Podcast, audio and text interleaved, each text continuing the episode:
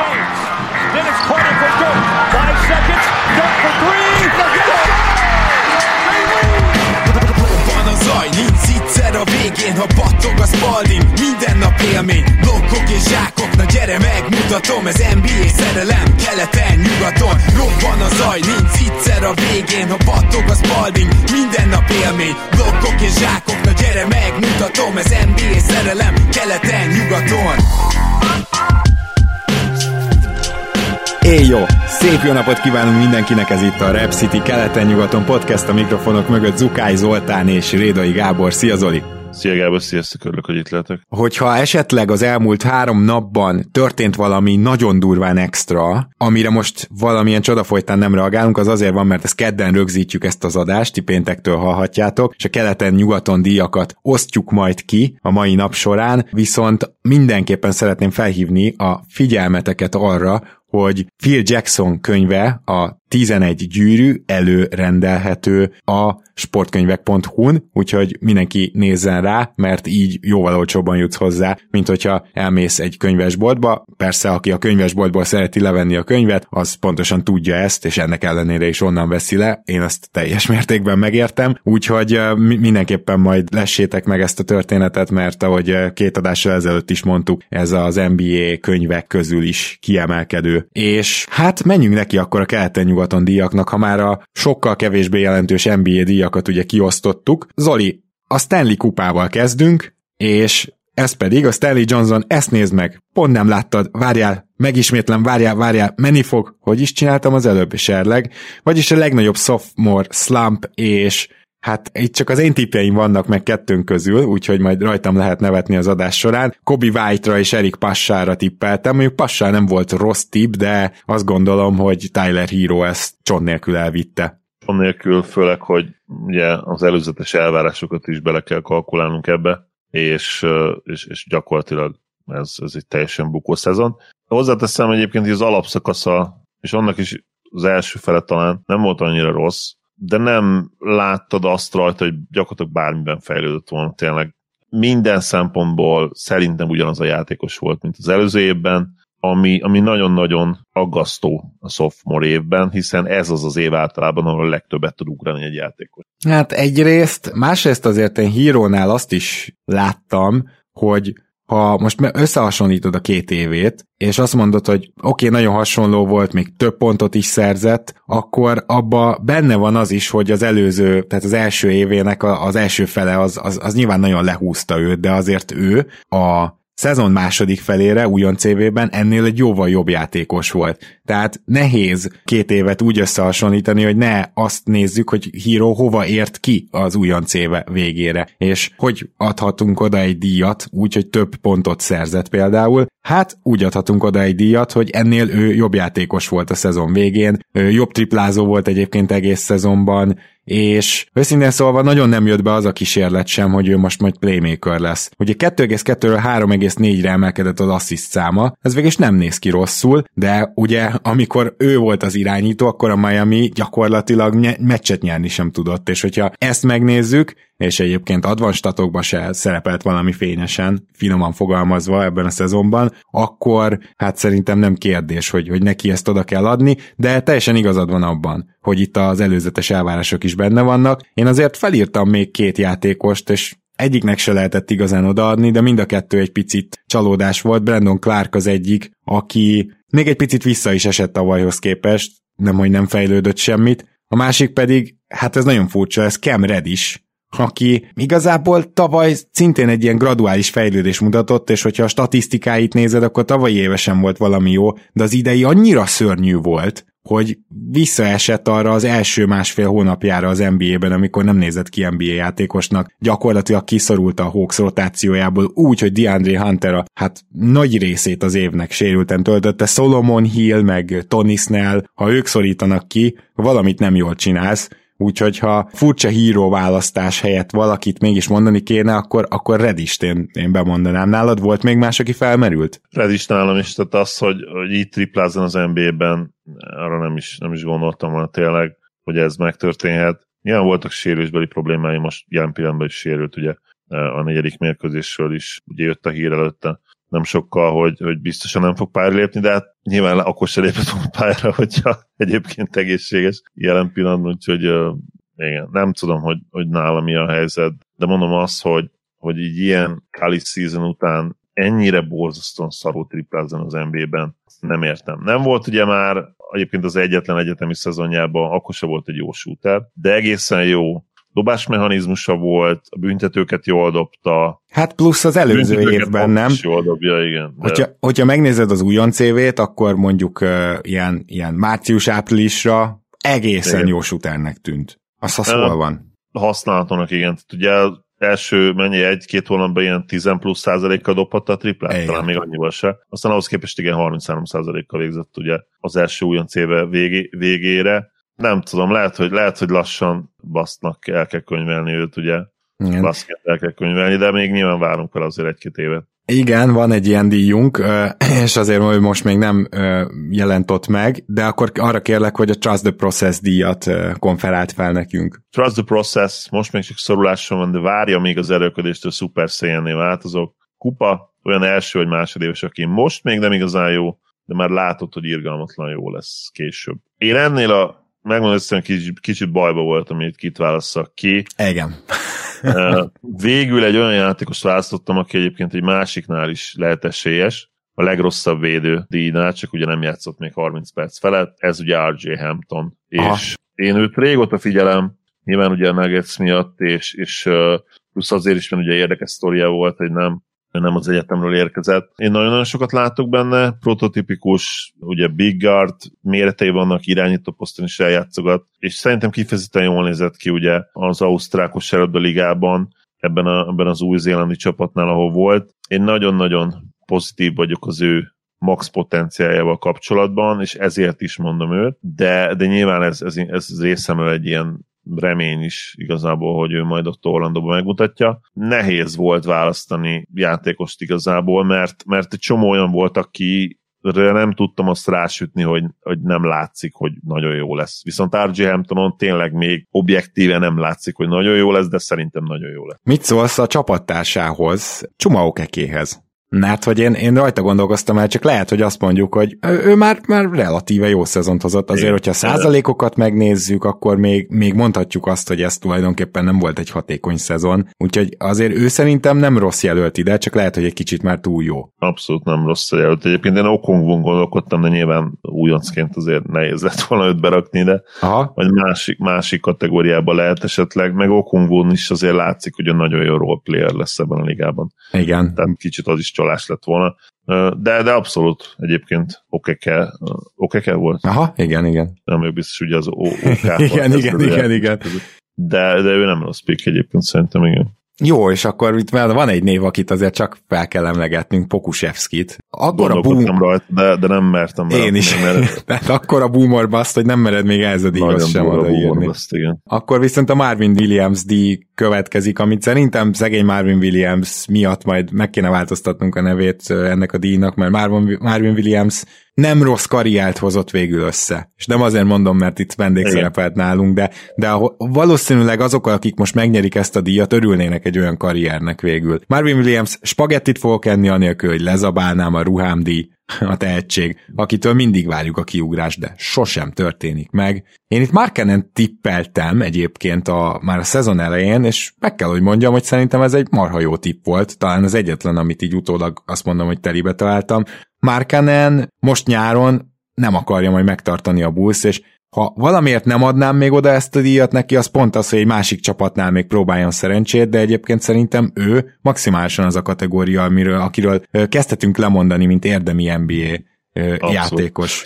Én is őt választottam, nem kérdés szerintem, hogy miért, nagyjából elmondtam mindent. Ráadásul nálunk még ugye a Mavericks szurkolók között pont egy másfél hónapja volt is egy ilyen hír, hogy hú, hát Markenent nagyon szereti a Mavs is majd oda. Ennek kapcsán is felöltődött a neve, és ott is szerintem végleg beleégett az agyamba, hogy ne, ne, mit, mit tud nyújtani Markenen neked a, a mai NBA-ben. Volt-e esetleg más jelölted a díjra menni? A díjnál te nagyon kreatív szoktál lenni. Most is kreatív lettem, és lehet, hogy meg fog sérteni ezzel pár szurkolót. Gondolkodtam így megint ezen a személyen, akiről nagyon sokat beszélgetünk minden évben, és ilyen kicsit nem ő lett a hivatalos pikkem, mert az egyetemen Markanen tényleg annyira kirívó volt legalább, mint Tyler Hero. De, de nem tudom nem megemlíteni, meg, nem tudom megint te, nem tudom, hogy itt már említettük meg Ben Simmons-t valaha, de kicsit megmondom őszintén, hogy én személyesen is úgymond haragszom rá, hogy, hogy az az írdatlan tehetséggel, ami neki van, nem tud mit kezdeni, és nem látom azt, hogy hogyan lehet a Sixers úgy bajnok, hogy ő a második legjobb játékos a csapatban. Idén nyilván nem azt mondom, hogy nincs esélyük, mert van esélyük. Tehát ebben az őrült Covid szezonban abszolút van esélyük, de tovább megyek. Tehát ha valamilyen csoda folytán megnyeri a Sixers a bajnoki címet, és idén felmegyik a trófeát, és még ha meg is nyeri a Finals MVP címet Ben Simmons, mert lehoz egy brutális szériát. Én akkor is azt mondanám, hogy amit ő csinál, az, az egyszerűen unfair a saját tehetségével kapcsolatban, mert, mert tényleg kifutott egy jó széria, átlagolt 20-12-10 a döntőben. Miért ne, miért ne történhetne meg? Tényleg, és pont azért történhet meg, mert egy hatalmas tehetség, viszont pont azért, mert egy hatalmas tehetség, azért rohadt ideges, amit csinál minden évben, hogy, hogy gyakorlatilag nem fejlődik. Kicsivel jobb védő, igen, a már tavalyi is egyébként nagyon jó, és tehát elit védekezésre még rátett egy lapáttal. Playmaker, nagyon szuper, csodálatos. De, de ez már megvolt igaz... neki az első évében a playmaking például, tehát... Abszolút megvolt, és ráadásul még azt sem maxolja ki, ami ő. Tehát ez idegesít Ben simmons kapcsolatban nagyon. Hogy, hogy nem maxolja ki azt sem, ami ő, ami lehetne egy, mondjuk ki, le, ő lehetne egy Jannis Antetokounmpo, nem? Tehát nagyon hasonló a két játékos és nincs meg benne még az az, az az extra agresszivitás sem, pedig sokkal jobb ugye a ball handlingje, és jobban be tud törni, és egyszerűen az egyik meccsen 22 pont, full agresszivitás, 12 per 16 a mezőnyből, mellette kihoz 10 gólpaszt, a másikon meg 6 pont, és, és megelégszik azzal, hogy, hogy ő akkor ott megcsinálja azokat a dolgokat, amik nyilván fontosak pályán, ugye, amik nem feltétlenül jelenek meg akár a, a, a stat sheetben, de engem végtelen idegesít az, hogy, hogy nem tud Ben Simmons azzal játékossá válni, aki egyébként biztosan lehetne, mert ebben mindenki egyetért, hogy milyen iszonyatos potenciál van benne. Úgyhogy én, én róla lehet, hogy lemondok már, mint, mint ilyen top 10-es játékos az NBA-ben, és, és akár MVP jelölt, pedig, pedig amikor annak kiválasztották, és sőt az újonc éve után is szerintem szinte mindenki egyetértett abban, hogy ez benne van, mint max potenciál, de lehet, hogy soha nem fog kijönni belőle. És te egyébként nem csak, és ez ideges, hogy nem csak azért, mert nem hajlandó rádobni a trippát, tehát nem akarom ennyire leegyszerűsíteni, és ilyen banális a dolgot. Nem, nem csak erről van szó, hanem, hanem amiben nagyon jó, sőt, amiben elit, azt is így kibekapcsolgatja, és mint hogyha kényekedve szerint Aha. kapcsolná be az intenzitást a meccseken, és egyszerűen ez kevés egy ilyen szintű fizikális játékostól és egy ilyen szintű tehetségtől, mint amilyen Ben Simmons. Igen, igen, igen, ilyen, ilyen Rudy Gobert-szerű ráhatással igyekszik szerintem a meccseket befolyásolni, de Rudy Gobertnek azért nagyobb ráhatása van. és Rudy Gobert pedig top 15-ös, top 20-as játékos, és nem top 10-es, tehát ezt is hozzátenném. De azért két, két nevet megemlítenék. Egyrészt Zach Collins-t, én sajnálom, de gyakorlatilag lemondtam róla, és ő, komolyan megfontoltam Markanen mellett, és tudom, hogy leginkább a sérülések, de amikor játszott, akkor sem láttad azt, amikor volt egy fél éve egybe, akkor sem láttad azt, hogy bármibe igazán fejlődött volna, úgyhogy szerintem azért tőle mindenképpen ennél jóval többre számított mind a Portland, mind mindenki, aki hát szerintem úgy felmérte, hogy, hogy, hogy mi van benne, mire lehet képes, és ez fájni fog neked, és mégis egyet fogsz érteni. Ha így folytatódik, akkor jövőre Marvin Bagley óriási esélyes lesz már erre a díjra, idén talán még korai, de, de jövőre szerintem már most, most jelölöm így előre, aztán Benne majd meglátjuk. Igen. Abszolút benne van Bagley, nem kérdés, igen. Ugyan a, a hasonló az eddigi útjuk, igen, és uh, ott is szükség lesz nem csak arra, hogy egészséges maradjon, hanem, hanem egy mentális váltásra valószínűleg tőle. Igen, meg például, hogy megtanuljam végre jobb kézzel bármit csinálni, szóval, hogy azért sok minden van, ami eddig nem történt meg vele kapcsolatban. Isaiah Thomas szuronnyal az AK-47-es ellen vándorkupa, a legrosszabb védő, aki legalább 30 percet játszik. Ugye itt megengedőek szoktunk lenni, ha éppen 28,7, de na, Triángot nem lehet megverni, úgy tűnik, évek óta nekem, nálam hogy most se sikerült. Tavaly lehet, hogy Sextont bemondtam Young elé, de hát idén is Young volt a, a győztesem. Hozzáteszem, hogy egyébként Zion-t, Markanen, Sextont, Trét és Hardent jelöltem. Zion szerintem lépett annyit előre, hogy ne kelljen itt foglalkozni vele. Markanen is egy picit legalább ebben talán előre tudott lépni. Sexton, Trey és Harden most is ott volt a jelöltek között. Ja, Trey Young. Nem Sexton nyert, viszont volt egy érdekes pick, vagy lehetett volna egy érdekes pick, ugye Halliburton, aki pont 30 percet játszott. Yep. Igen, úgyhogy ő egyébként nyilván újoncként az egyik leggyengébb védő volt a ligában. Annyi, hogy ő, ő 20 mérkőzésen kezdett az 58-ból, tehát nyilván Igen. ez azért, ez azért szólt ellene. Meg kicsit De... igazságtalan is talán egy újoncra kiosztani ezt a díjat. Igen, igen, az, az abszolút így van. Nem Sexton nyert. Szerintem Young azért egy nagyon picikét lép, előre lépett, nyilván nem olyan sokat, de valamennyit szerintem igen, úgyhogy nálam ez, ez ahhoz elég volt legalább, hogy ne legyen most egyértelműen tök utolsó, mint ahogy egyébként az elmúlt években az volt. Jelöltek azért, még voltak például Brim Forbes, aki az RPM-be is, defensív RPM-be is, és a defensív Raptorba is azt hiszem a, a konkrétan legrosszabb volt. Most a Raptor van előttem, azt, azt nyerte, hogy úgy mondjam, pedig nem keveset játszott, meglepően sokat, és Hát őszintén szóval azzal is mentettem fel őt, hogy körülötte nem volt olyan szara a Bax védekezése, szóval azért, azért Treyangnak ilyen szempontból nem jókat, csak a védekezést nézzük az on-off adatai sem, és Jamorant is azért jelölt valamennyire, csak hogy nála volt ez a másfél hónap, amikor áradoztam róla, hogy hát legalább közepes szintre fellépett védőként, és e- ez az, ami nálam őt kiütötte ebből a versengésből. És volt még két játékos, aki az összes ilyen advanced metrics és szemre is azt, mondat, azt mondtuk, hogy hát igen, azért nála van baj védekezésben. Az egyik egy visszatérő jelöltünk Lou Williams, a másik pedig Doug McDermott, aki, na most ezt bevallom őszintén, őt inkább most az advanstatok hívták rá fel a figyelmemet. Tudtam, hogy ő nem jó védő, amikor az Indiánánban pályán volt, akkor tényleg szarul védekezett az Indi, főleg itt a végén, amikor már kényszerből kezdett, úgyhogy végül is így utólag visszagondolva jogos is, azért említsük meg az ő nevét is, és, és még D'Angelo Russell az, akit hát megint érdemes lenne megemlíteni, csak olyan kevés meccsen játszott, hogy... Igen. Ja. Ezek közül azért volt egy csomó szerintem, aki messze nem játszott 30 percet, akiket felsoroltam. Igen, szerintem. igen, igen, igen, persze, tehát itt aki úgy igazán 30 perces volt ezek közül, az Jamorant, hát Forbes nem, ugye Anthony Simons be sem mondtam, de ő sem. Doug McDermott mondjuk nem volt olyan rohadt messze tőle, főleg a szezon végén, meg Lou Williams sem. Mennyit játszik? 25-26 perc? É, igen, igen, de nem, nem volt meg persze a 30 For, perc. Forbes van, és valahogy nem tudom, Forbes nekem úgy maradt meg, hogy nem játszik sokat meccsenként. Mindegy, lényegtelen. Felsoroltál egy csomó játékost, aki, aki tragikus védő, igen. aki tragikus védő, igen. És hát nyilván, mint mindig, most is periméter védőket említünk, hát sajnos ez így működik. Ez a igen, igen, igen. Ebben a, ebben a kategóriában, és ez valószínűleg így is marad.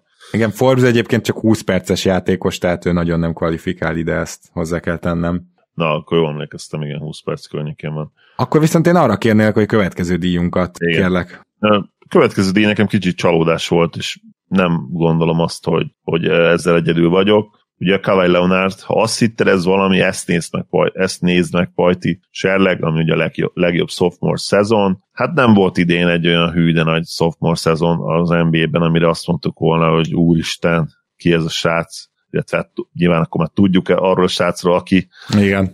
ez a ki ez a srác lehet, de, de mégis akkor a szintet lép. Zion-t választottam, de ilyen default pozícióban, mert Abszolút de nem voltam ezt elájúva az egyéni szezonját. A statisztikailag rohadt jó, nyilván domináns scorer, a liga valószínűleg, hát legalábbis ezzel a usage még, és ugye nem láttuk play hozzá kell tenni, tehát itt azért picit legyünk óvatosak, mert ugye Jannis is évekig a legjobb inside scorernek hívtuk ugye a perimeter játékosok közül. Ma valószínűleg Zion ez a játékos, de még nem láttuk a play-offba, play-off védekezés ellen, úgyhogy, úgyhogy óvatosan, de, de jelen pillanatban a legdominánsabb perimeter inside scorer a ligában az egyértelmű szerintem. Igen, és ha már Jannis ellen a falvédekezés ugye működik különböző variációkban, akkor nyilvánvalóan Zion ellen is ezt fogják leginkább megpróbálni, hiszen, hiszen annyira hasonló ilyen szempontból a két játékos erőssége, gyengessége. Van a Kate Bagans díjunk, azért kezdek, hogy jobb legyen a pad, az NBA legrosszabb kezdőjátékosa, óriási gondban voltam, mert egy ilyen szezonban, ahol szétrotálták a csapatok a, a kezdőket, ahol négyen-öten ismét tankoltak gyakorlatilag a szezon utolsó felében, pedig az előző szezonban ugye az új latteri rendszer miatt ez nem volt ennyire látványos, nyilván a most jövő draft is ebben nagy motiváció, Szóval, hogy nehéz volt úgy kijelölni ezt, hogy, hogy most akkor az NBA legrosszabb kezdőjátékosa ki volt. Egyébként Wayne Bacon, Delon Wrightot és Reggie Bullockot jelöltem így előre, vagy tippeltem be, és Dwayne Bacon végül is nem rossz választás, ő nem futott valami jó kezdőt, tehát olyan évet, ahol kezdett. A csapattársa Cole Anthony, ő meg újonc, ezért kiméltem meg. Szerintem van egy darab nagyon-nagyon jó versenyzőnk. Először megvárnám, hogy nálad kinyert, mert én úgy érzem, hogy te nem találtad meg ezt a nagyon jó versenyzőnket, és utána homlokodra fogsz csapni. Igen, ugye nagyon sok játékosan gondolkodtam, és, és akkor nem a győztessel kezdem. Garrison Matthews felmerült nálam, felmerült nálam egyébként Jared Vanderbilt is, a, a Minnesota-ból. Igen, kényszerkezdők mind a ketten, talán ezért sajnálnám, hogyha nekik osztottad volna a díjat. Így van, úgyhogy nem is, nem is osztottam ki nekik végül, hanem megmondom, hogy azt is belejátszott ebbe, hogy jól esett őt kiválasztani, DeAndre Jordan-t választottam a Netsből. Szerintem lehet érvelni amellett, hogy a modern NBA-ben ma, és ezt ugye látjuk a play is, nulla mérkőzésen játszott eddig, annyiszor is kellett legyünk összénk pályára kerülnie, és, és a play az alapszakaszban viszont ugye ehhez képest, mindjárt mondom neked, hogy hány mérkőzésen szerepelt, élek szépen 57 mérkőzés játszott, 43-szor kezdő volt, és 21 perc felett játszott, és ezek után nem tud pályára kerülni a play egyáltalán. Én azt gondolom, hogy nem kell túlmagyarázni, DeAndre Jordan-t választottam. Mondom, szerintem lesz egy jobb jelölt, de egyébként én most én csaptam a homlokomhoz, hogy DeAndre Jordan nem merült fel. Kettő eh, névről szeretnék megemlékezni. Az egyik, túl keveset játszott, túl sokat volt sérült, és ezért kimeltem meg a díjtól, de Kevin Love mekkora jelölt lenne? Az nem lett volna rossz, igen, mm. K-Love. Főleg, hogy amikor játszott, és nyilván te is azért választottad ki, gyakorlatilag... Használhatatlan hát, volt kis túlzással. Teljes, teljesen használhatatlan volt, igen. Na de van egy másik uh, jelöltem, aki szerintem az egyértelmű győztes, és kíváncsi vagyok. Aaron Baines. Ú, tényleg basszus, Baines. Ugye? Baines. Baines, az, Baines az a játékos, ugye Kelly Ubré is eszembe jutott, de Ubré nagyjából megmentette a szezonját. Baines az a Kelly Ubré, aki, aki nem nem kapcsolt soha a második fokozat ebben igen, igen, igen, igen. Bainesről meg tudnálak győzni, nem? Jó pik, jó pik. Jól van. Akkor jöjjön a Will Borton, ha megbecsültelek volna, talán még együtt lennénk díj, ö, bocsánat, baseball sapka. Az a játékos, aki csapatot vált, és rájön az egész világ, hogy amúgy jó. Én itt egy picit csaltam, bevallom őszintén. Nem nagyot, de annyira ordított egy játékosról, hogy ez a díj neki jár, annak ellenére, hogy a szezon közben váltott csapatot, és nem a szezon elején, hogy muszáj voltam egyszerűen ide Torik Réget berakni. Tudom, hogy egy kicsi, kicsi csalás, de mégiscsak a Bucks gondoljunk bele, hogy kirakta a keretéből csak úgy. És felkapta a Suns, ahol most playoff rotáció tag, én szerintem ne, nem tudtam másnak adni ezt a díjat. Nem tudom, valószínűleg nálad fel sem merült, úgyhogy már ez is érdekel az, hogy kit választottál végül. Igen, én Jeremy Grantet választottam, nem gondolkodtam túl. Még hmm. akkor is, hogyha nem teljesen igaz, mert tudjuk, hogy beajánlotta neki ugyanazt a Nuggets, mint, mint a Pistons, de nagyobb szerepet meg valószínűleg nem, hiszen ő azért lépett le, mert nem volt garantálva nagyobb szerep. Sose tudjuk meg, mi lett volna, hogyha, hogyha ő maradott, és azt sem tudjuk, hogy, hogy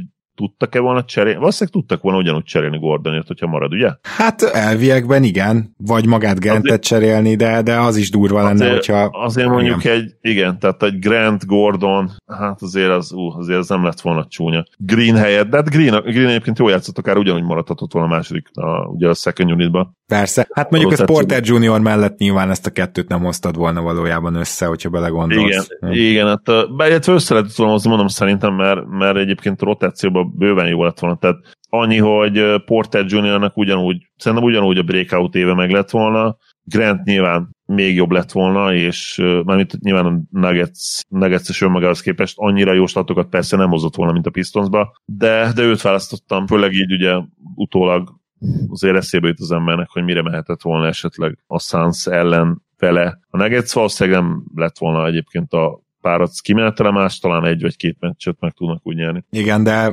kétségtelen elgondolkozható, és nagyon jó jelölt, csak, csak tényleg nálam Craig úgy jött, hogy hogy ennyire, ennyire Igen. eldobni egy játékost, ez Igen, nagyon Igen. kemény volt. Jön a Chandler Parsons díjunk, annyira használhatatlan vagyok, hogy Zolit és Gábort még egy poén erejéig sem tudtam megihletni, hűtőmágnes, az a fajta, amelyik már kezdi végleg megadni magát, és állandóan leesik, majd amikor lehajol szérte, még a derekad is kimegy. Ez az NBA legrosszabb szerződése. Sajnos voltak jelöltjeink, de ki mondhatjuk azt, hogy jelenleg Clay Thompson úgymond a legrosszabb szerződés, vagy, vagy ezt várjuk meg, Clay. hogy hogy tér vissza? Clay és John Wall még mindig a kettő, illetve ugye John Wall még mindig szerintem a nyertes, de Clay hát nagyon erős jelölt, tehát hmm. basszus. Az a, az a dupla, amit ő lehozott, ugye az ACL és Achilles úgy, hogy neki mondhatjuk azt, hogy ő nem egy, nem egy vertikális játékos, de basszus, hát a horizontális szaladgálás, szaladgálásához, felkanyarodásokhoz azért rohadtó kell atletikusság.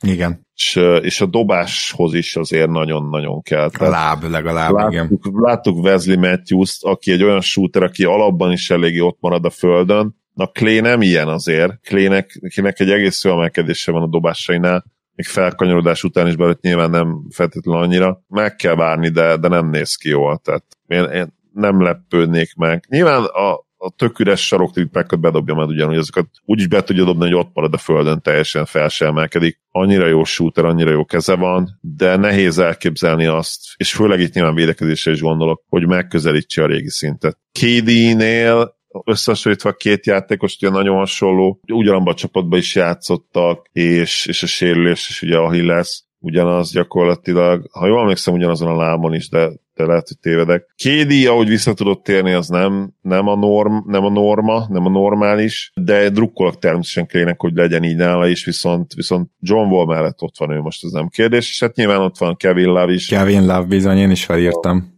úgyhogy őket, ez a, ez a három szerintem eléggé kiemelkedik most ebből a szempontból. A következő díjat kérlek, hogy harangozz be te, Jokicsal és Duranttel fémjelzett díjunk. Igen, Jokic Durant GM-ként nekünk ég a bőr az arcunk, hogy csak ennyit fizetünk ajándékossár az NBA legjobb szerződése. Én nagyon sokat gondolkodtam ezzel, nyilván az újoncok azok ugye kilőve, tehát Luka Doncic idén sem játszott, vagy tavaly sem, ezt megbeszéltük egymás között, és így, így próbáltam olyan játékost választani, ahol, ahol tényleg benne volt már egy, egy GM döntés, egy, ed, egy edzői és stáb döntés, uh-huh. hogy megkapta ezt a szerződést, és így jutottam el, mondta Morrishoz, aki 9 milliót keres, és egy ragyogó-ragyogó playoffja volt. Mm, nálam ő, ő nyert, és szerintem ott van a, a legjobb jelöltek között, az teljesen egyértelmű, még ha esetleg nem is értesz egyet az ő győzelmével. Igen, a győzelmével nem, de a, a jelöltségével Dortot igen. is felírtam természetesen, Lukens Dortot, aki szintén nagyon-nagyon jó szerződés, és nálam ők ketten azért kiemelkedtek ebbe a szempontból, de lehet, hogy valakit... Hát uh, igazából én a tavalyi győztest megint mertem hozni, annak ellenére, hogy ez a szezonja egy picit csalódás volt, de ha ránézel Markus Smartra, akkor ő azért idén is szerintem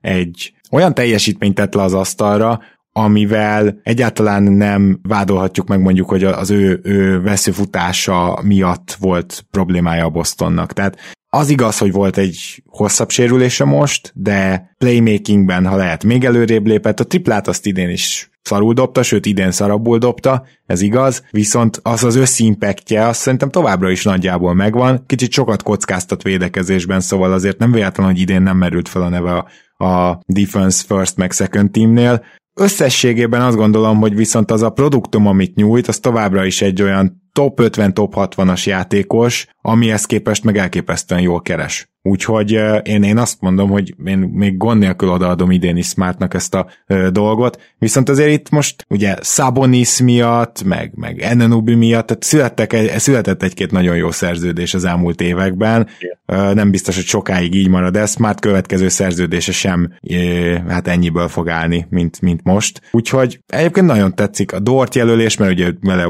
hosszabbítottak szinte ingyen, ugye miután második körös szerződést kapott, tehát hogy, hogy igen, ezek ezek mindenképpen jók. Szabonis felírtam én is, Smartot most valahogy elfelejtettem, pedig tavaly ugye azt hiszem én is őt választottam. Igen, igen, mind a kettőnknél nyert. Nyilván a Celtic szezonja is valószínűleg belejátszott ebbe, hogy most nem, nem jutott feltétlenül eszembe, de valóban ott van a legjobb szerződések között, ez nem kérdés. Gyorsan nézzük meg, hogy a Chris Paul már az iskolapadban ülve oktattam díjunkat, kinyerte a legjobb RPM, ez ugye Curry lett, viszont én indítványoznám, hogy a, mondjuk a Raptorra vagy a LeBronra valamelyikre majd váltsunk át. Minden esetre én Jannis tippeltem. Egyébként Curry, James Gobert volt a sorrend, miközben a Raptornál például Jokic, Embiid Gober volt a sorrend. Raptor idén nagyon szerette magas embereket, igen. Igen. Pont ez a baj az RPM-mel, hogy ő régen az RPM szerette legjobban a magas embereket, aztán ezt így megpróbálták kompenzálni, és teljesen átestek igen. a másik oldalára, úgyhogy jó. Szóval az Isaiah Thomas díjunkat nézzük akkor meg. Legjobb szerződésbukó játékos, akinek nem érkezett meg a pénzes kamion végül. Hát szerintem mind a ketten betippeltük Dramondot, és nem hinném, hogy nálam, nálad is nem ő nyert volna természetesen ő nyert, viszont más játékosok nem annyira jutottak eszembe egyébként. Aha, nekem a, sincs különösebb jelöltem. Nem volt olyan egyértelmű, ugye, mint szegény Cousins, pár éve, amikor ugye beajánlotta neki a Pelicans két, két év 40 valány milliót, úgy, hogy akkor már azt hiszem meg volt az Ailes sérülése. Yep. És nem írta alá, és azóta is milyen veterán minimumot keres, ugye? Igen, hát az, az egy szomorú történet mindenképpen. Hát, egy nagyon szomorú történet, igen. Ki az, aki lemaradhat most szerinted majd nagy pénzről, aki, aki mondjuk esetleg Szerintem... Visszadob, egy, egy szerződés ajánlatot.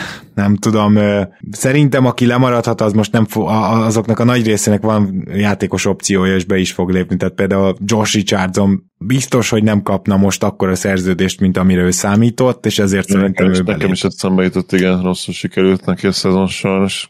Más, más olyan ordító most nekem nem itt eszembe, de kedves hallgatók, ha nektek igen, akkor mindenképpen írjatok. Mi pedig megnézzük a Derrick Rose Phoenix díjunkat, lemondtunk már réglóra, de feltámadt a semmiből. Volt uh, szerinted ordító jelöltünk idén? Nem, nem, nem volt szerintem ordítójelölt. Gondolkodtam azon, hogy kit rakjak ide, CP3 egyébként, de ugye CP3 azért nem jó, mert ő már tavaly feltámadt. Igen. A két, két évvel ezelőtti szezonja volt brutálisan gyenge, és akkor gondolkodtunk azon, ugye akkor volt 34 éves, de lehet, hogy még a 34-et se töltötte be, és úgy nézett ki, hogy neki lefőtt a kávé, és ahhoz képest azóta per 36-ra szinte MVP számokat hoz az MVP évéhez képest, ugye, ami mm. nem, nem igazi MVP év, de ugye sokan úgy tartják számon, hogy neki kellett volna nyerni 2008-ban. Ahhoz képest tényleg ma, majdnem olyan jó, mondhatjuk azt. És egyébként az a durva, hogy a védő oldalon is, tehát én nem tudom, mit talált meg ez a játékos, meg mit, mit adtak be neki, nem akarok rossz indulatú lenni, de valami most, valami most nagyon működik az orvoslásban, és nem, nem az egyetlen ilyen sztori, akit látunk, ugye? Igen. Mit Úgyhogy, szólsz? Nem, nem.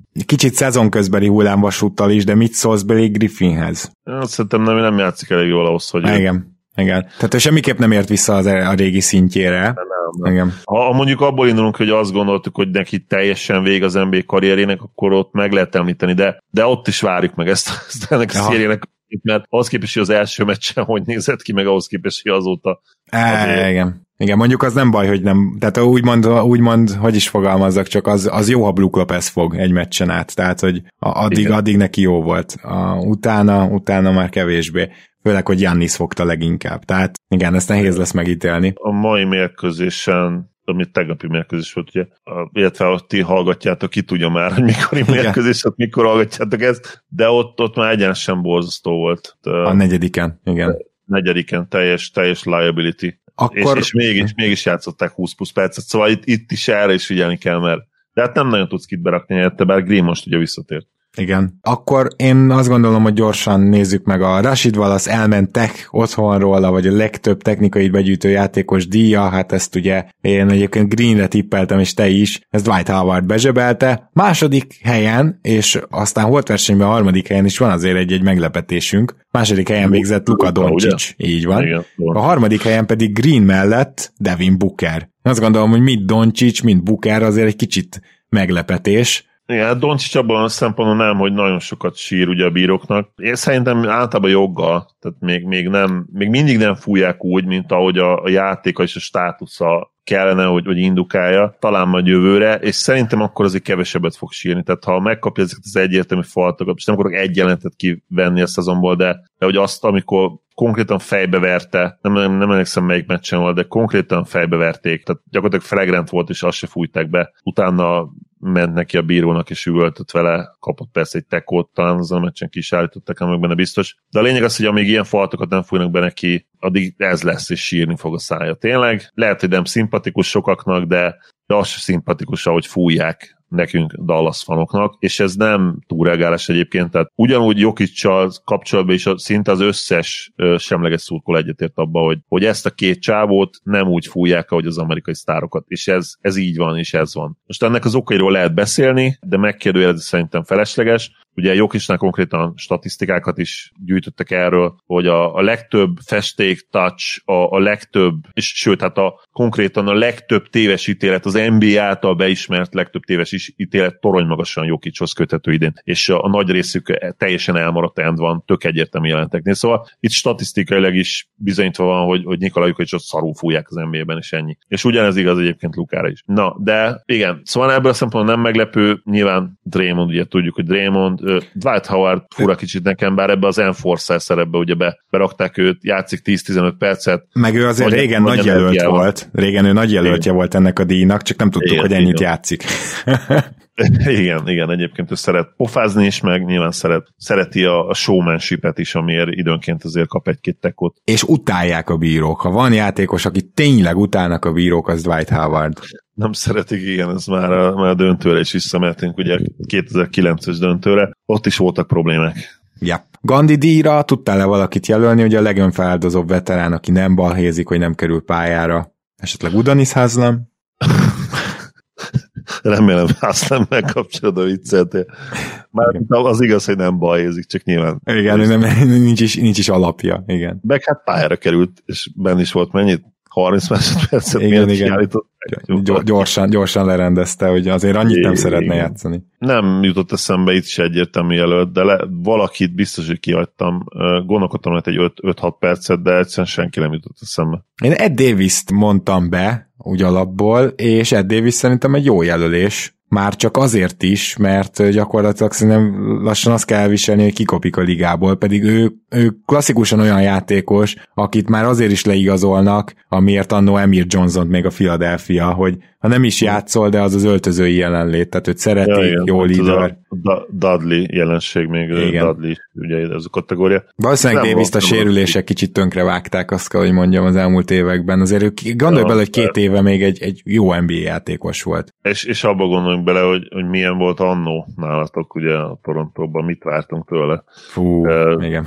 hihetetlen prospekt volt egyébként Ted Davis, sokan nem emlékeznek rá. Már ugye Pelicans időkben is látták, vagy nem Pelicans jövök oda, nem ugye sokan a Portland, Portland csapatba ismerték meg, mint ilyen kiegészítő játékos, de igazából ugye a Torontóból indult el, és, és nagyon komoly potenciált láttunk benne az első években. Szerintem egyébként lényegesen több potenciál volt abba, a, annál benne, mint ami kijött végül belőle. Nyilván ennek az egyik ok az, hogy ugye a modern NBA nem akkor kezdődött el, de akkor kezdett el kicsúcsosodni a harmadik, negyedik évétől, és hát neki ugye a tripla az, az mindig esélytelen volt, meg, meg a shooting, úgy igazából, mert ugye pocsék büntetődobó is, és emiatt ő nem tudta azt a karriert befutni, amit, amit egyébként szerintem a 90-es években simán befutott volna. Uh-huh. Menjünk át pár olyan csapatdíjon, ahol nem ö, vélemény kérdése a győztes. Rolly Massimino, that escalated quickly, emlékérem, Rolliról azt kell tudni, hogy kinevezték a Netsz egyzőjének, de a sajtótájékoztatón már nem jelent meg, a leghamarabb kirúgott egyzőnk, és én úgy emlékszem, bár te nem emlékszel a saját tippjeidre, de szerintem te Sanders tippelted, és ugye ezzel jól tippeltél, mert hogy ő volt az. Én is sanders emlékszem, igen. Igen, én Borégót, Brooks, Donovan-t írtam föl, hát ebből Brooks az, akit nem értek, hogy miért van még ott, de mindegy.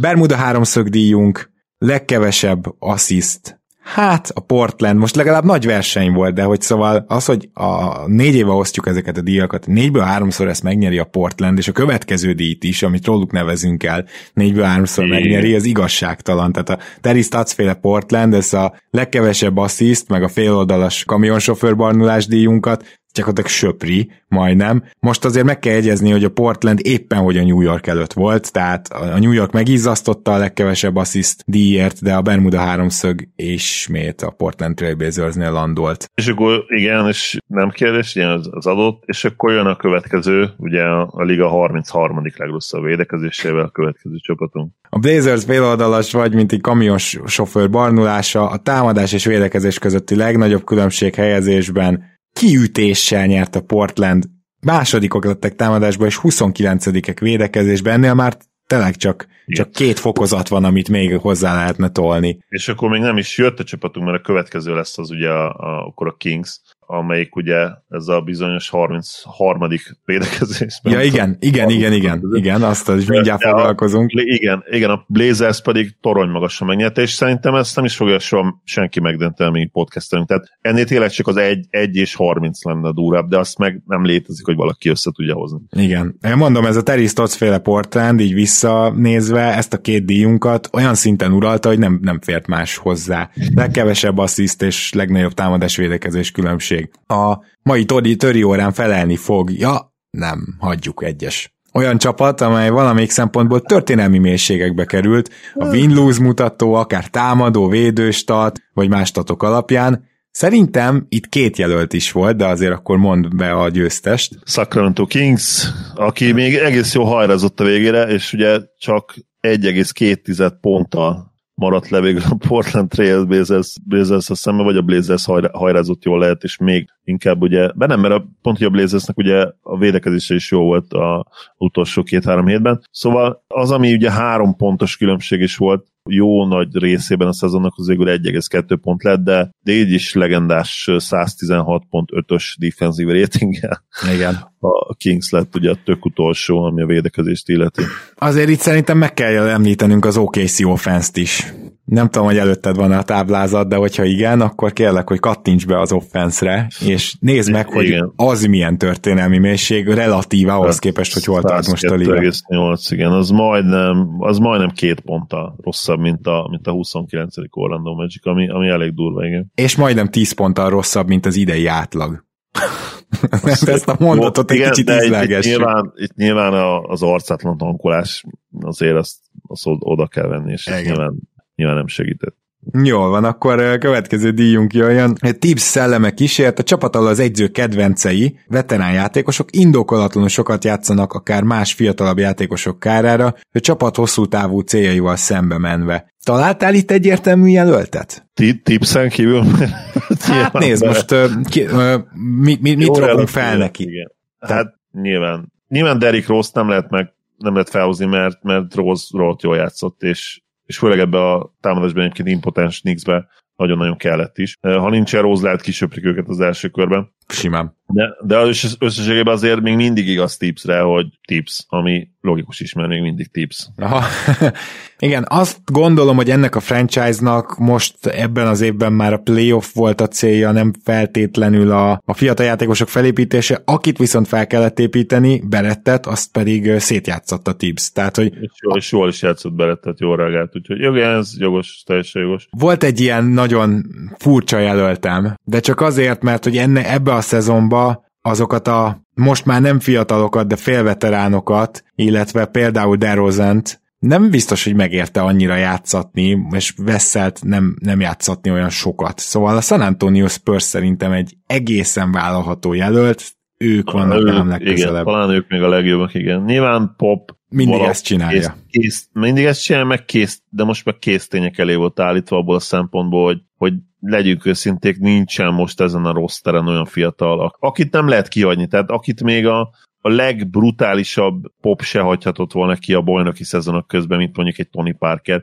És ez nyilván nem kritika, mert, mert a, amit a Spurs bemákolt, és, és nem csak mákolt nyilván, hanem, hanem tudás és felkészültség azokban az években, arról tud, és utána még Kawait is ide veszem, valamennyire, bár ott ugye azért eltelt jó pár év a, a két ére között, de mégis ugye átfedés volt, mert a játékosok meg ugye még játszottak akkor a Big Free-ből. Szóval nyilvánvalóan nem lesz még egy ilyen ére soha többet, és nem lehet olyan játékosokat kihúzni, és a Spurs még mindig jó talent development csapat azért, mert, mert a pikjeik még mindig működnek helyek közel, és, és nem rossz játékosok, és rotáció, és nagyon mellé nyúlni nem látod őket, de, de hiányzik az az extra, az az extra, és nyilván ez draft pozícióból is adódik, és abból is adódik, hogy Pop túl jó edző még mindig ahhoz, hogy a Spurs igazán lemenjen kutyába, és ez, ahogy annyiszor elmondtuk, és annyiszor megjósoltuk, ez nem is lesz másképp valószínűleg, ami vissza nem vonó. Ha már egy uh, kapcsolatos uh, díjnál ő maga merült fel, akkor menjünk a következő díjunkra.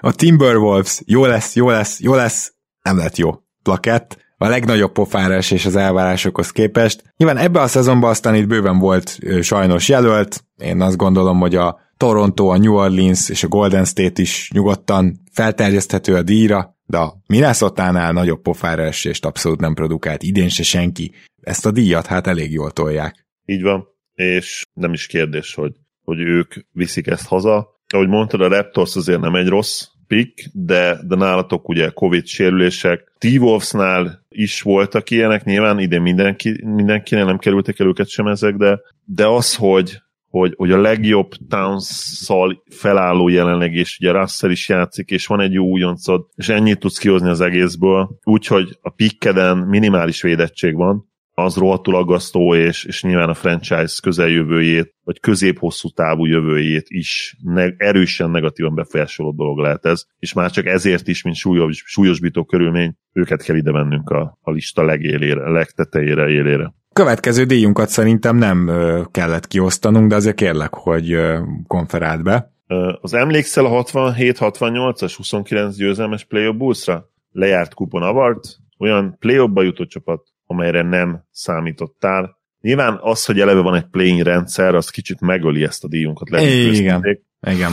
Most, és most így is marad a közeljövőben. Olyan gyenge playoff csapat, amire nem számított, talán ez a díjnak a teljes neve, tehát hogy nyilván a, nem számítottunk a New Yorkra, de azért nem az van, hogy a New York bejutott éppen, hogy valami durván negatív mérleggel, ilyen Persze. igazából nem nagyon volt. Úgyhogy majd, nem, és, és nyilván most hogy Vizárcot mondhatnál, aki nagyon rossz volt, ugye nagyon sokáig, aztán elkezdtek egy nagy győzelmi sorozatot, de mivel tudtuk, hogy van play ezért ez kiveszi az egészet, tehát hmm. az egésznek az élét, és, és arra, de hogy nem számítottunk arra, hogy a, hogy a Vizác is bejuthat, persze, hiszen annyi kellett hozzá, hogy play helyen végezzenek. Ja, ja. Jó, a Bledsoe seglenyomatát tartalmazó tornapat, a legpofátlanabbul tankoló csapat, itt, itt most annyira jó a név, egyébként nyilván óriási verseny volt két csapat között, de az egyiket a másik díjunkra jelöltem, az Orlandót, itt azért az OKC egész évben tankolt, de még ha ez is túlzás, még, még elég jók voltak, és amikor megijedtek, hogy túl jók, akkor végleg a maradék három embert is szétkapták, illetve el Horfordot konkrétan, mint annó a Suns Eric Bledsoe-t kiültették két hónapra. Tehát erről neveztük el a díjat, nem kaphatja más, mint az OKC. Abszolút, itt is egyértelmű történet. Mint ahogy szerintem a következőnél is, a Hinki díj megpróbáltuk, most próbáljuk meg kevésbé megpróbálni, hogy kevesebb megpróbáltatás legyen kitüntetés. A csapat, amelyiket idén közben szétkapnak, hát az Orlando azt letarolta ezt a díjat, Le, nem? Letarolta ezt a díjat, és, és szerintem nem is végeztek rossz munkát. Nem, nem egy ókészi szintű munkát végeztek azért, az szerintem brilliáns volt, és az, az tényleg ott, ott biztos, hogy Hinki is hát elmorzsolt jó néhány könycseppet. Itt talán nem, de itt már a szeme picit így kezdett be homályosodni. Tehát nem volt rossz. De nem, annyi, hogy nem hinki szintű, az, az inkább az ókészire volt igaz. Nagyon kíváncsi vagyok arra, hogy bármi találtál le a következő díjunkra, vagy, vagy, vagy odaadta, de kérlek, hogy konferáld be keleten-nyugaton díjunkat. Az utolsó díjunk a keleten-nyugaton. Mondtam, hogy a kosárlabda evolúció nem állt meg a VAR. A csapat, amelyik egy olyan játékkal áll elő, amire senki nem számított, mint annó a Golden State Warriors, vagy stevens a Boston és gondolkodtam azon, hogy a Suns bármilyen szempontból jó lett, mert ilyen nagyon szeretjük, szeretjük Montét, nagyon-nagyon Montit, nagyon ö, oda vagyunk úgy most, most a Sunsért, mint, mint csapatért, és nagybetűvel itt így, így a csapatot ki kell emelni, de nem tudom, hogy csinálnak-e bármi forradalmit, azt, azt hiszem, hogy nem, csak, csak tényleg kimaxolják a, a modern kosárlabdát, és talán, hogyha 2 játékosokban gondolkodunk, akkor a legjobb rotációjuk nekik van, nekik van ligában, hogyha 2 a, a potenciál, és ez még, ez még akkor is igaz, hogyha nyilván az a, az a Devin Booker, aki, aki nagyon sokat felült védekezésben, még, még mindig nem jó védő, de rajta kívül most már tényleg mindenki rohadt jó. E, még, még az a Saric is, aki, akinek ugye meg kellett találnia az NBA védekezését, és hogy hogyan tudjon jó védő lenni egy rotációban, és olyan szinten megtalálta, hogy hihetetlen. És én most ma már őt kifejezetten jó védőnek, jó védőként említeném, nyilván a csapat kontextusban, tehát nem fogod ráállítani egy az egybe. Igen, még, még mindig erős gyengeségei is vannak, ezt el kell ismerni Sárisnál. Így, így van. Nyilván nem fogod Kavajra ráállítani, hogyha összejön a konferencia döntő egy az egybe, hogy Dario fiam, akkor fog meg őt.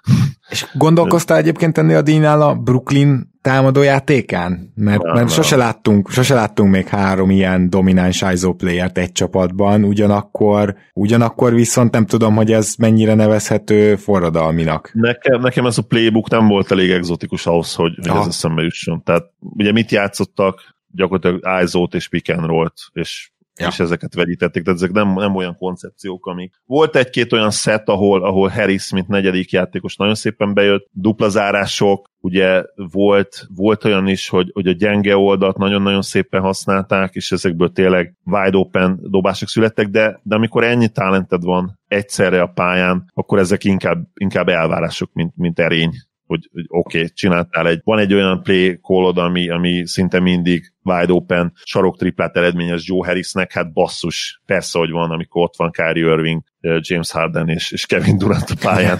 Igen. Jó, akkor viszont még egy jelöltet itt hagy említsek meg, akit igazából csak azért nem kapták meg, mert a számszerű eredmények alapján nem lett jó az offenzív ratingjük, de ez az offense a szezon leglátványosabb és legszebb támadójátéka volt. Gondolom sejted már, hogy melyik csapatról beszélek, ez a Charlotte Hornets, és csak-csak, hogy hangozzon el a nevük. Borégó szép munka volt, nyilván azért ebből a keretből, meg ilyen nulla center rotációval úgy, úgy igazán hatékony offensz nem lehetett építeni, de látványos és igazán fantasztikus és, volt őket nézni. És, és részben Borégónak is köszönhető az, hogy Lamelo volt például nem tudtok jelölni egy olyan kategóriába, hogy hát még nem látszik, még nem vagy jó, de nagyon látjuk, hogy jó lesz-e, mert már az elejétől elég jó. Yep és ebben nyilván az edzőnek is benne van a keze, ki, ki valóban kellemes meglepetés és üde színfoltja volt az idei évnek, és, és hát azt várjuk egyetemen Charlotte, hogy növekedjenek, hogy még, jobb, még jobbak legyenek jövőre. Trailblazer, Pelikán, Indián temető, díj, a csapat, amelynek a sérülések tönkreteszik a szezonját. Ezt már írtam neked itt adás előtt is, hogy lehet, hogy így kollektíven a ligát idén meg kéne erre jelölni.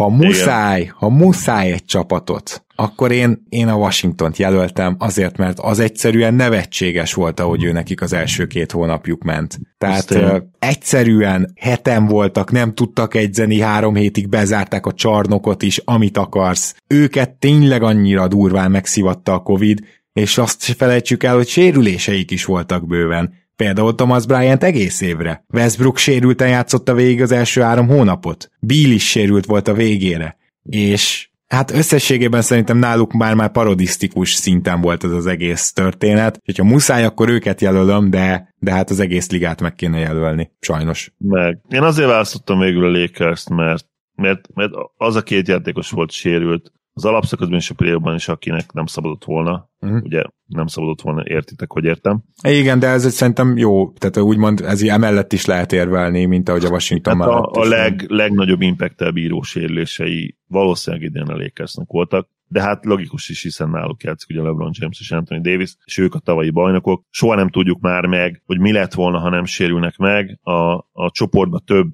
hát nem nevezném diskurzusnak, inkább vitának, és lehet inkább veszekedésnek. Több ilyen is történt a csoportban. Az igazság, hogy, hogy én értem a Lakers szurkolókat is, és nyilván értem a Suns szurkolókat is, mert az, amikor azt hallod, hogy és ezt te tudod, Raptors drukkerként, azt hallott, hogy hát, hogyha ez és az ja, nem ja. sérül meg, akkor esélytelen. Nyilván az érzés egy szurkolnak, és azt, még ha van is benne igaz, igazság és realitás, akkor is azt fogod mondani, hogy hát nem, nem, sose tudjuk meg, de annyira jó volt ez a csapat, hogy, hogy akkor is nyerettünk volna, hogyha egészséges a másik, az ellenfél. És nyilván a válasz erre az, hogy igen, lehetséges, és soha nem tudjuk meg, max tippelni lehet. Hát most a századókereknek de... különösen azért megvédeném őket, mert hogy basszus, azt most mindenki írtál elfelejti, hogy Chris Paul három meccsen teljesen használhatatlan volt. Így van így van, ő se volt egészséges, ez egyértelmű, és tényleg nem tudjuk, hogy mi lett volna, ha mind a hárman egészségesek. Tehát Anthony Davis is, és LeBron James is 100%-os, és Chris, Paul is 100%-os. Igen. Szerintem egy nagyon-nagyon jó hétmeccses párharcot Bizony. láthattunk volna, és Franc se tudja, hogy ki nyert volna. Vég, Persze. Végül, Persze. Elkezdeni ezt a dolgot. De ez is csak tipp, tehát lehet, hogy a Suns 6 meccsen nyer, lehet, hogy a Lakers nyer 6 meccsen. Front se tudja, nem tudjuk tényleg. Viszont azt sajnálom, hogy itt aztán szerencsekeréken is kipörgethettük volna gyakorlatilag a győztest. Remélem, hogy jövőre, jövőre nem ez lesz a helyzet. Azért a normális menetrend, hát. hogy visszatér, az azért sokat segíthet majd. Segíthet, csak viszont előtte olimpia, ugye, és, és az idei szezon meg tovább tart. Viszont legalább én arra számítok, hogy lesz egy nagyon izgalmas olimpiánk, mert én nem tudom elképzelni, hogy, hogy, hogy az USA csapata milyen játékosokat fog indítani. Hát nem azt mondom, hogy VB szintű lesz, mert nyilván az olimpiára azért valaki mindig megy a sztárok közül, tehát jó csapatuk lesz, de... De nem lesz az a Dream Team, az nem, nem, tehát szerintem nyilván LeBron, Anthony Davis out, tök egyértelműen. Kevin Durant nem tudom elképzelni, hogy bevállalja utoljára, tehát úgy, hogy a Netsze komoly szerződése van. Kawai sem tudom elképzelni egyébként. Kawai sem tudom elképzelni, abszolút nem tudom én se. Steph Curry szerintem biztos, hogy lemondja, ugye még nem döntött. Szerintem a 15 legjobb játékosok közül legalább 10 le fogja mondani. És ugye itt az, az derül majd ki, ugye a VB-n ugyanez volt, sőt, az a 15-ből aztán mindenki lemondta, és az utána jövő 15, tehát a legjobb 30-ból is nagyon kevesen mentek ki, vagy a legjobb 20-ból talán inkább, és, és hát kifejezetten gyenge keretük volt. Annál szerintem erősebb lesz, de semmire nem esküdnék most meg az amerikai kerettel kapcsolatban. Nagyon kíváncsi várom a végső rostert, mert még azt is el tudom képzelni, hogy nem lesznek toronymagas esélyesek. Most először talán hát mióta a, az Iverson, de még az Iverson féle csapatot, a Duncan Iverson csapatot is előzetesen szerintem torony magas esélyesként tartották számon, úgyhogy lehet, hogy először talán a 84-es olimpia óta, uh-huh. amikor, amikor ugye MJ-k mentek az, és, és nyertek, de ott ugye full egyetemi csapat ment. Tehát szerintem lehet, hogy addig kell visszamennünk majd, függően attól, hogy ugye milyen keretet raknak össze végül, hogy, hogy találjunk egy olyat, aki, aki annyira nem volt esélyes, mint a mostani lehet. Igen, de az igazi szívás, azt tudod mi? Az az, hogy például a kanadai válogatottban is ugye Murray és Shai Alexander nem lesz ott NBA-ben összeszedett sérülések miatt. Na, végére értünk egyébként ennek a mai podcastünknek, remélem, hogy elvesztétek, és mindenképpen a keleten-nyugaton díjakat, hát nem ígérem, hogy így nyaralás közben majd kirakom, úgyhogy lehet ezt most kivételesen rád bízom Zoli, vagy, vagy nem tudom, rátagságjuk Pándigerire, hogy akkor ő majd rakja ki a saját verzióit, de valahol majd felrakjuk, hogy ti is tudjatok esetleg díjazni, illetve, hogyha bármelyik díjnál valakit nagyon elfelejtettünk, akkor azt írjátok le kommentben, és köszi szépen, hogy ilyen reakciókat is rendszeresen kapunk tőletek. Zoli, köszi, hogy itt voltál ma is. Örülök, hogy itt lettem. Szia Gábor, sziasztok! Kedves hallgatók, hétfőn három csapattól búcsúzunk, és két párharcot harangozunk be, tehát az egy gigaadás lesz, és valószínűleg vendéggel, úgyhogy azt én is nagyon várom, remélem, hogy ti is. Addig is minden jót kívánok nektek. Sziasztok!